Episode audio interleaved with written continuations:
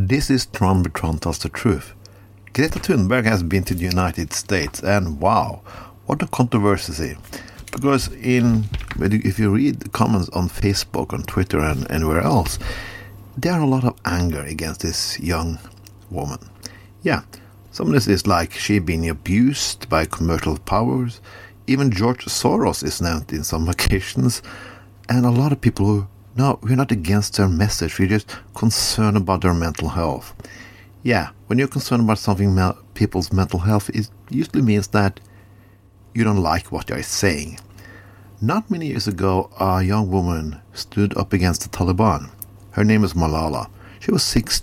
She was very young. I think she was 16, and she was very young when also won the Nobel Peace Prize.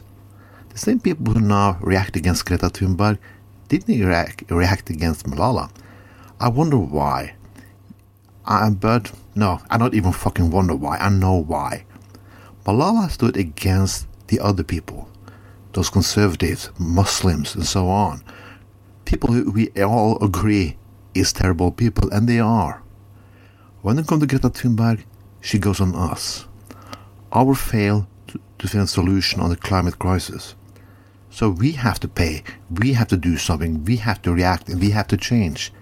People don't like to change, and people don't like to be told what to do.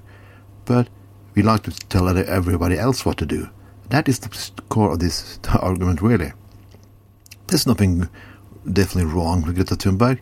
All her all her speech in the UN is fact checked, and and the and the facts are, are are there. People why people are angry today is not because they like to be angry, because they want a rebellion.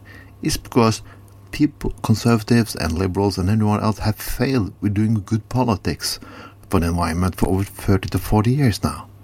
They've been looking, they always put on goal, big agreements, hold big speeches, what, but when they come in the end, we still are dependent on oil and gas, who is not the solution, but the problem.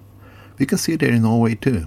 There are a lot of climate skeptic people here because you know num- num- Norway's number one business is oil and gas, and we can we're going to we're going to do something about the environment, but not oil and gas.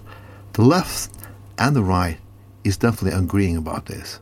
Yeah, the unions don't want to lose jobs, and the business people on the right don't want to lose money. It's a it's a weird combination of common interest against one young woman who dared to address this. Green parties around the world address this too. That's why they're being hated by the left and the right. We have to think beyond the normal left and the right now and think about uh, solutions who benefit all kinds of people.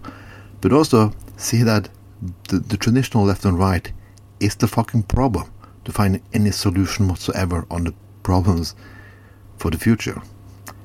I think there should be more people like Greta Thunberg. And I think the, the young people who are now rebelling in the street should continue.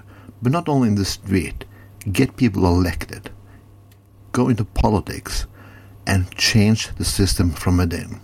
This was we Tron tells the truth.